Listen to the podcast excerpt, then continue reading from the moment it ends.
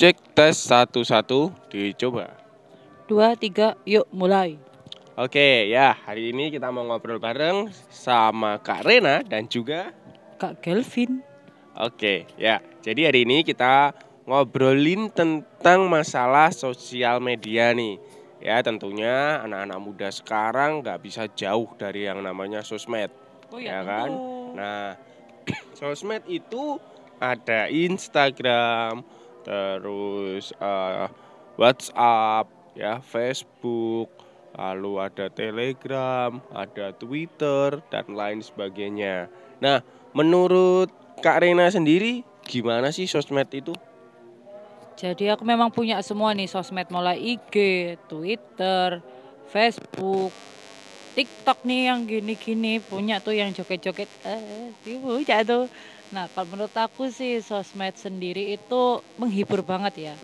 Jadi cocok banget masa-masa pandemi gini yang kata orang-orang sih jarang keluar rumah ya, tapi nyatanya ya di luar rame gitu loh. Ya tapi cocok banget sih buat menghibur ketika sendirian di rumah eh, ngecek apa ya sosmed ah, ini asik nih lihat video ini eh, asik nih lihat konten ini gitu sih kalau sosmed jadi buat hiburan. Oke, jadi lebih ke entertain ya, hiburan. Nah, ya memang sih kalau pandemi kayak gini tuh banyak orang yang gabut ya, walaupun kayak yang diomong Kak Rena tadi itu banyak banget yang di luar, tapi ya tetap aja anak-anak banyak yang jarang main di luar. Belum sekolah juga ya. Oh iya, apalagi sekolahnya masih online. Waduh, kesempatan kan? Gurunya nerangin lewat Zoom. Wah, main aja. gitu. Kamu kok jadi curhat sih? Ya, seperti itulah. Ya, itulah kondisinya eh, mengenai sosmed. Nah, eh, sosmed ini kan berhubungan dengan yang namanya gadget atau gawe ya kak ya. Nah, bisa nggak? eh, pernah nggak sih kak Rena ini dalam satu hari itu nggak megang gadget atau gawenya? Pernah nggak? Gadgetnya sih enggak ya, karena memang kerjaan semua di HP. Tapi kalau nggak buka sosmed, nggak buka eh, yang video-video gitu deh YouTube dan lain-lain pernah ya. Soalnya kadang pernah ngerasa ya gitu-gitu doang, jenuh gitu loh. Jadi ya pernah memang nggak buka sama sekali, tapi untuk nggak megang HP sendiri nggak pernah sih. Kayak sudah jadi eh, pasangan hidup gitu loh HP itu. Waduh, ngeri ngeri ngeri pasangan hidup. Hmm. Oke, sedap ya. Nah, em, memang ya nggak bisa. Kita ini hidup sekarang tuh nggak bisa eh, lepas dari yang namanya gadget. Nah, ngomongin soal sosmed lagi, kita kembali ke sana. Banyak sekali kan sekarang konten-konten itu banyak yang mulai dari eh, konten game, lalu konten otomotif, Masak, oh konten masak, terus menari, nari gak jelas. Ah. Banyak. joget-joget gak Iya. jelas ya kan terus Konten apa lagi? Edukasi ada. konten edukasi ya kan uh banyak tapi eh, dari semua konten oh ya Sebentar, sebentar. Ada konten julid juga ada. oh iya Iya. konten julid ya kan konten edukasi yang julid ya kan konten gamer yang julid ya juga ada Iya, Ya. kayak kau ini julid sekarang. Nah, jadi memang banyak banyak sekali konten yang ada di sosial media. Nah, em, dari banyaknya konten itu, ya, sadar nggak sih kalau ada beberapa konten ini yang akhirnya itu menggiring opini, ya, menggiring opini atau membuat orang yang melihat itu mempunyai anggapan bahwa oh ternyata ini benar gitu. Menurut Kak Rina gimana nih? Ya jelas ada sih. Aku pernah nemuin tuh satu konten, bukan cuma satu sih banyak sekali konten dan beberapa konten itu sempat mempengaruhi pemi- pemikiranku ya secara pribadi. Jadi ada satu konten seperti ini. Eh di TikTok aku lihatnya sih. Jadi dia berkata seperti ini. Yang lain pada sibuk mempersiapkan pernikahan. Aku dan pacarku pada sibuk eh, masih sibuk mempersiapkan rumah nikah dulu deh. Yang lain pada sibuk nikah dulu baru beli rumah lah. Kita beli rumah dulu baru nikah. Nah, kayak gitu itu loh. Maksudnya ya itu ada itu bisa mempengaruhi banget loh kehidupan orang-orang kalau nggak siap jadi aku pernah terpengaruh jadi kayak down gitu kayak males gitu ah kayak ya nih gue harus punya rumah dulu aku punya rumah dulu baru nikah terus aku gimana ya kalau nggak punya rumah ya nanti ya. Nah itu aku sempat berpengaruh sama hal itu. Gitu sih. Ah, Oke, itu curhatan dari Kak Rena yang mau nikah nih ya. Nah, oke. Jadi memang ya kalau yang namanya pernyataan kayak gitu, konten kayak gitu tuh mempengaruhi banget ya Kak ya. Iya tentu. Mungkin beberapa orang bisa menerima dengan hal positif. Tapi kalau orang itu nggak bisa terima maksudnya hal positif tuh kayak gini ya jadi bisa menjadikan motivasi sih kalau ke orang yang tepat gitu loh. Oh aku harus seperti ini. Oh ada langkah yang aku harus kuambil tapi bisa jadi juga konten yang berdampak negatif loh bagi beberapa orang yang belum siap untuk mentalnya untuk menerima hal itu tadi. Itu Oke, contohnya? Iya. Apa yang contohnya Ya Kak Rena sendiri ya kan. ah bisa aja Oke oke oke, balik lagi. juga. Balik lagi balik lagi ke konten yang istilahnya itu provokatif ya. Provokatif. Jadi memancing eh, orang yang lihat ini akhirnya punya opini atau pendapat. Oh iya ya ini bener ya gitu kan. Contohnya ya tadi yang dikatakan sama Kak Rena masalah nikah. Nikah itu harus punya rumah dulu atau eh, atau nikah dulu baru nanti cari rumah. Nah, gitu. Nah, nggak cuman itu sih, sebenarnya banyak, banyak banget ya. Misalkan ke gereja itu eh ini boleh ngomongin agama nggak sih? Oh boleh boleh boleh. Kenapa nggak boleh aja? Oke, ya karena agama kita Kristen maka kita ngomongin agama Kristen ya, nggak mungkin kita ngomongin agama Yang Hindu lain. ya yang itu. Oke. Nah Nah, misalkan ada juga konten kreator yang ngomongin ah, semua apa semua agama itu masuk surga gitu kan. Nah, terus kok kalau nyindir sih nyinyir kan mulai. enggak, enggak nyinyir, Oh, enggak, enggak. Itu ada salah satu pastor kok yang ngomong, Berarti bukan konten nyinyir ya Oh, dia. bukan. Nggak salah alamat berarti ya. nah, ada salah satu pastor eh, Instagram itu ngomong kalau semua agama itu masuk ke surga gitu kan. Jadi semua agama mengajarkan kebaikan. Nah, konten-konten seperti itu itu yang membuat eh, orang yang awam akhirnya memiliki pemahaman oh iya ya ternyata semua agama itu sama ujung-ujungnya pada uh, kebenaran atau kepada surga seperti itu. Tapi aku nggak mau bahas yang lebih jauh lagi yang aku mau garis bawain di sini. Konten yang memprovokasi seseorang dan akhirnya membuat orang itu tidak lagi mengenali dirinya. Begitu kak Rena Oke. Tapi menurut aku nih, yang salah itu bukan kontennya loh. Oke. Bukan bukan kontennya, tapi kitanya sendiri secara pribadi sebagai manusia ya tentunya kita yang salah. Kita nggak bisa menerima itu dengan bijak. Bener nggak lo? Setuju nggak? iya bisa jadi sih bisa konten kan netral ya betul ya Iya. Kadang itu gini, aku membuat konten itu karena aku eh, bangga dengan diriku gitu loh. Ya aku ingin mengabadikan dengan membuat konten. Sekarang kan mengabadikan dengan mudah kan. Kalau dulu kan sulit banget, nggak banyak orang yang bisa mengabadikan. Nah karena ad- adanya gadget, adanya eh, sosial media yang sekarang mudah diakses, jadi ya gampang lah untuk membuat suatu kenangan. Jadi konten itu dirupakan suatu kenangan bahwa aku dulu itu seperti ini ya. Jadi ada proses yang aku alami. Nah, tapi konten itu eh apa ya salah terima nanti ke orang ketika orang itu belum siap. Jadi kayak menurutku bukan salah yang konten konten kreatornya tapi yang si pendengarnya sih yang salah atau pembacanya ya, penerimanya yang salah. Oke, aku setuju sih, setuju banget sama uh, statement dari Kak Rena. Konten itu nggak salah, ya. Semua orang tuh bebas mau bikin konten apa, mau upload uh, ke YouTube atau ke sosmed lain bebas, ya. Tapi uh, yang jelas dari kita ini pendengarnya dulu. Flashmu patek nopo? Ya. Nah, oke. dari pendengarnya dulu. Flashnya tadi nyala lah yo meripatku kece. Sorry Oke. sorry guys, sorry. Nah, jadi eh, memang konten itu netral ya, tetapi dari banyaknya konten itu Kak Rena membuat anak muda sekarang bukan hanya anak muda, semua kalangan akhirnya kehilangan jati dirinya. Jadi dia itu bingung. Sebenarnya aku ini kayak gimana sih? kok menurut pendapatnya ini kayak gini menurut kayak gini eh, menurut pendapatnya ini tuh eh, yang bener A pendapatnya ini dari konten ini yang bener B terus kayak gitu banyak pendapat akhirnya dia bingung kak Rena jadi dirinya itu kayak gimana Oh gitu. Oh tunggu, aku menambahkan lagi. Tapi tetap ada konten yang negatif ya. Contohnya kayak konten porn gitu. Itu kan negatif kan? Atau BF. Ini para cowok-cowok pasti tahu ini. Aku sih nggak tahu ya. Tapi para cowok pasti tahu lah. Konten-konten kayak gitu. Kok jujur? Enggak ada.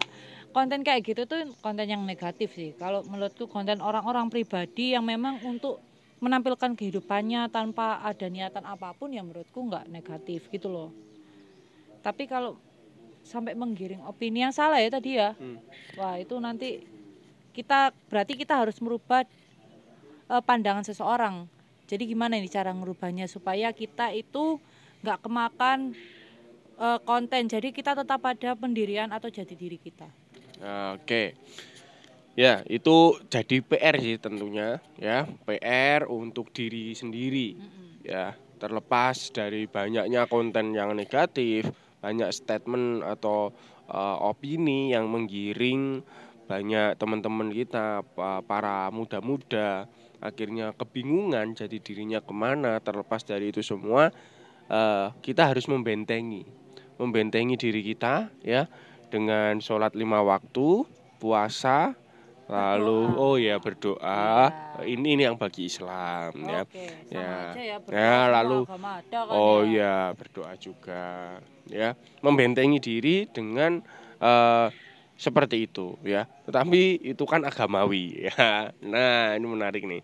Membentengi diri itu tidak harus dengan kegiatan-kegiatan agamawi, teman-teman. Misalkan contoh eh, rajin ke gereja, lalu Rajin sholat. Iya. ya kan. Tiap Jumatan datangnya paling awal benar biar dapat unta ya kan. Ah, Eh, terus kalau Iya. ke gereja, bisa aja lu. lo iya, itu itu beneran lo. Oke. Tiap Hmm. ke gereja persembahannya yang Persembahannya banyak. banyak, Iya, ya kan? banyak kayak gitu. Biar diberkati. Oh, oh, biar gitu. tambah banyak dapatnya. Ki gereja apa pasar jadi. Oke. Tapi tapi Mas Kelvin, Kak Kelvin, ini aku punya trik loh Hmm. untuk eh, supaya kita itu nggak terperangkap lah atau nggak kehilangan jati diri dari konten.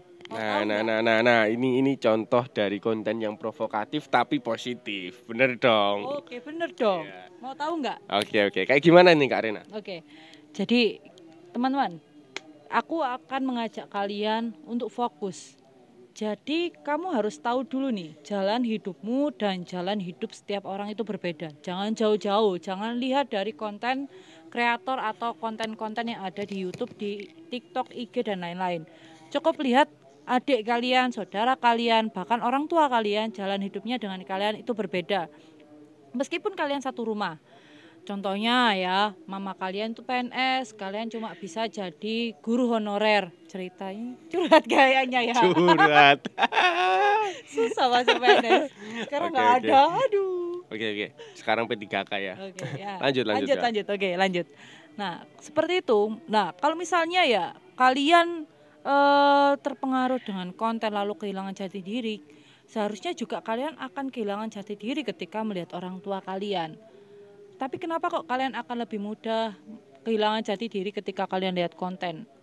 Nah, aku di sini akan mengajarkan kalian pertama, jalan hidup kalian dan jalan hidup setiap orang bahkan keluarga kalian itu berbeda. Oke, aku mau nikah nih, tapi aku belum punya rumah. It's okay tapi nggak apa-apa. Tapi ternyata ketika aku nggak, aku belum punya rumah, Tuhan kasih berkat yang lain. Nah, seperti itulah. Ada saat temanku A, dia udah punya rumah, tapi kesulitan untuk biaya pernikahan.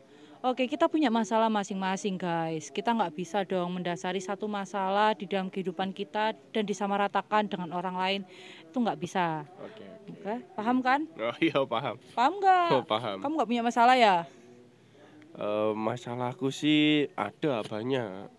Tapi ya gitu Kak Rena. Aku ini orang tipikal yang berselancar dengan masalah. Wah. Waduh, berselancar hilang sudah kak. Tahu ke mana tuh kalau berselancar? Menikmati masalah Oh. yang ada. Oh, menikmati. Kan masalah hari ini belum tentu besok ada. Oke, benar. Iya kan? Sehariannya untuk sehari. Iya, Benar kan ya? betul dong. Oke. Oke lanjut ya. Jadi seperti itu. Pertama tadi kita kita itu jalan hidup kita dengan manusia di sekitar kita itu berbeda. Lalu eh, kita apa tadi aku lupa ya. Itu yang pertama. iya, Lalu yang pertama yang kedua apa? Lupa eh, aku. Apa yang kedua? Lupa. Oke, kalau Karena lupa, Ah. ya mungkin dari aku nih, Eh, dari aku mau ngasih eh, apa ya, mungkin tips ya, tips gimana sih Yang kalian? kedua tadi apa? Dijawab dulu lupa ya. apa? Loh, yang kedua kan dari anda. Iya lupa apa tadi? Loh, aduh, oke. Tahu, makanya kalau kamu lupa, aku yang tambahin Oke ya. silakan. Oke, yang pertama tadi kan uh, proses hidup itu masing-masing. Iya. Ya, jalan hidup orang itu beda-beda, teman-teman. Nah, oke. Lalu yang kedua, ini dari aku, ya. Yang kedua itu um, gini, kita itu harus punya sudut pandang, ya, atau perspektif diri kita sendiri. Kadang gini loh, orang yang nggak kenal, ya, orang yang nggak mengenali dirinya sendiri, dia akan mencari pengenalan dirinya lewat hal-hal lain yang dia sukai. Oke, contoh nih, contoh. Aku kenal Kak Rena. Ya, kalau aku nggak tahu Kak Rena, ya, aku akan cari info tentang Kak Rena dari luar. Sosial media. Sosial medianya temennya Kak Rena, ya kan? Nah, apakah itu benar-benar yang terjadi atau benar-benar sifatnya Kak Rena? Tentu Oh, saja tidak. Tidak. Tidak kan? Kita nggak bisa menilai orang dari sosial medianya aja, dari Oh, storynya gitu. lain. Dari sudut pandang orang lain kita nggak bisa. Nah, jadi pengenalan itu ya, ketika kita mengenal orang lain itu sama halnya kita mengenal diri kita. Kayak gitu. Kita sayang sama orang lain. Kamu sayang nih, kalian kalian sayang sama pacar kalian. Karena kalian tentu udah kenal dong pacar kalian ya kan. Nah, eh, mungkin apa ya pacar kalian ini romantis ya setia suka raktir ya dan lain sebagainya. Bentar-bentar, balik lagi ke topik. iya iya iya oke oke. Balik lagi ke topik oke. Pengenalan diri. Ya intinya yang kedua itu pengenalan diri kalian harus kenal sama diri kalian dulu. Jadi Tuhan itu nyiptain kalian tuh kayak gimana sih? Potensi apa sih yang dikasih Tuhan ke kamu ke kalian? Ya nanti dari situ kalian akan tahu. Dan lebih bisa mensyukuri dan tidak gampang goyah dengan opini orang lain. Gitu ya kayak gitu. Jangan bandingin prosesmu ya dengan orang lain. nah gitu. Jadi kalau kalian tahu oh iya ini eh, misalkan aku Kelvin ini ya oh iya aku eh, kerja di tempat A Tuhan udah nempatin aku di tempat A dengan Jadi poten manajer contohnya. Ya apalah Iya, itu dengan aku Ah, di apa? tempat B sama-sama manajer. iya oke Tapi kenapa aku bisa punya mobil? Kamu Oke, nggak bisa punya. kenapa aku nggak bisa punya gitu Iya, kan? itu. Nah, misalkan kayak gitu. Nah, tapi kalau eh, misalkan aku nggak kenal sama diriku, pasti aku banding-bandingin dong eh, sama kehidupannya Kak Rena, padahal sama-sama man- manajernya gitu kan. "Eh, kenapa Tuhan kok Kak Rena ini lebih sukses? Sedangkan aku yang sama-sama manajernya, gajinya sama, tapi kok aku nggak sukses gitu kan? Nah, padahal Tuhan punya punya rencana lain. Proses hidup itu beda-beda. Sama yang dikatakan Kak Rena tadi awal di awal tadi. Proses setiap orang tuh beda-beda. Mungkin Kak Rena eh, saat ini bisa beli mobil. Mungkin aku belum bisa. Tetapi eh, Tuhan eh, nyediain rencana yang lain gitu loh. Seringkali kita kurang peka atas rencana Tuhan itu. Jadi pengenalan diri itu penting agar kita tidak ya eh, terombang-ambing atau bingung ini kayak gimana sih hidupku nanti gitu tanyanya itu ke Tuhan nggak ke konten nah kayak gitu karena gimana nih Lanjut nih. Aku punya sebuah tips ya. Tapi aku lupa. Nanti aja lanjut dulu kamu deh. Iya. oke oke oke ya ada ini amnesia jangka pendek ya nggak apa-apa Ya, jadi itu yang kedua. Yang pertama, proses hidup manusia itu berbeda-beda. Proses hidup kalian jangan samakan dengan proses hidup orang lain. Ya. Nah, ini Kak Rina udah inget ya. Lalu yang kedua tadi ya, yang kedua itu em, harus mengenali diri sendiri. Oke, kenali diri sendiri. Oke, silakan Kak Rina. Oke. Ini yang ketiga.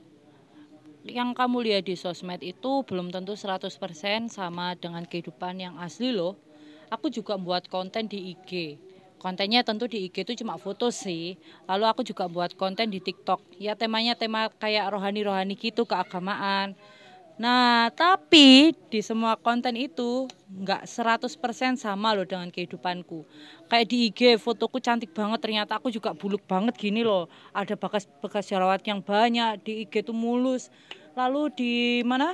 Di TikTok aku upload rohani, tapi ada sekali waktu aku juga nggak berdoa, jauh dari Tuhan, kesel sama Tuhan, kecewa.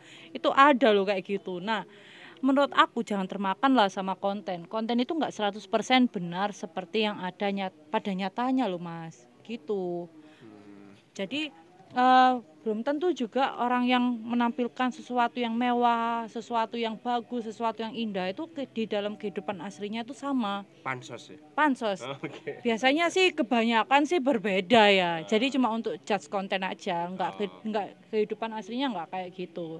Jadi menurut aku kehidupan yang paling indah adalah kehidupanmu, kehidupan nyatamu, kehidupanmu yang kamu jalanin sekarang itu paling indah dan itu semua sudah dalam rencana Tuhan gitu. Oke, ya. Setuju, setuju banget.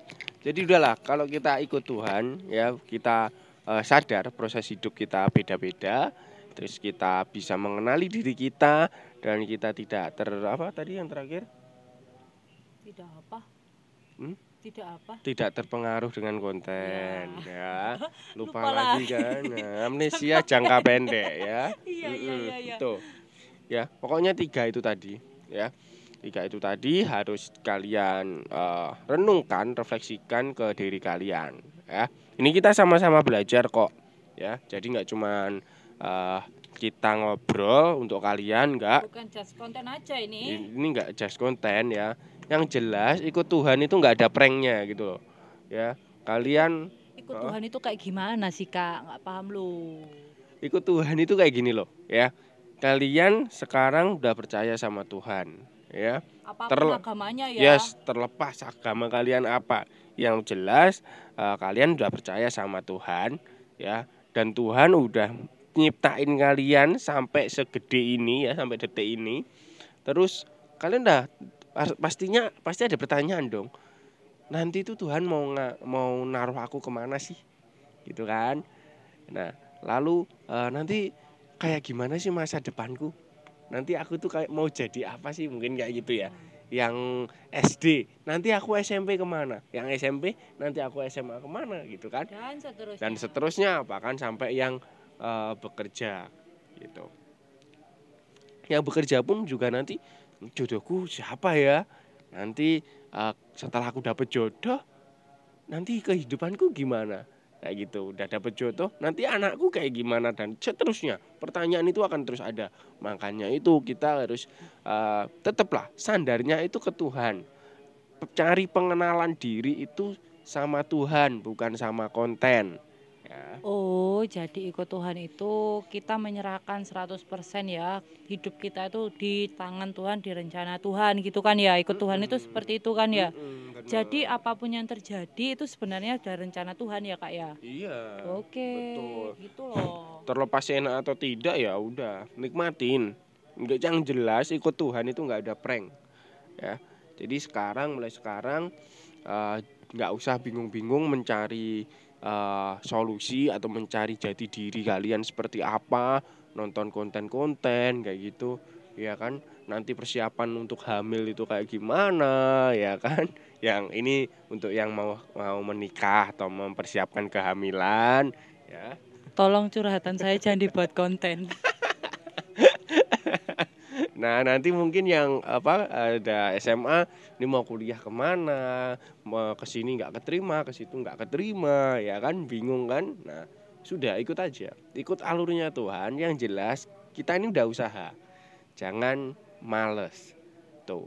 Kalau kalian mager ya ya gimana gitu loh. Ya kan? Iman tanpa perbuatan hakikatnya Kosong. Nah, kosong atau mati gitu ya. Oke. Ya, eh, itu sih yang kita mau obrolin hari ini. Jadi mengenai eh, jati diri, ya jati diri dan juga pe- Pengendalian diri. pengendalian diri. Oke, itu. jadi gitu loh guys yang kita mau bicara no hari ini tuh. Paham nggak kan? Paham lah. Aku harap kalian nggak ter itu terkontaminasi lagi sama konten-konten. Konten itu cuma jadi hiburan aja kalau bosen, tapi jangan menjadikan dia menghipnotis dirimu. Gitu loh. Nah, Oke? Oke, ya thank you Kak Rena udah mau ngobrol hari ini ya dan eh, terima kasih untuk waktunya. Dan mungkin ada yang diomongin lagi. Kak, sekian guys podcast kita hari ini. Bye bye. Oke, bye bye bye.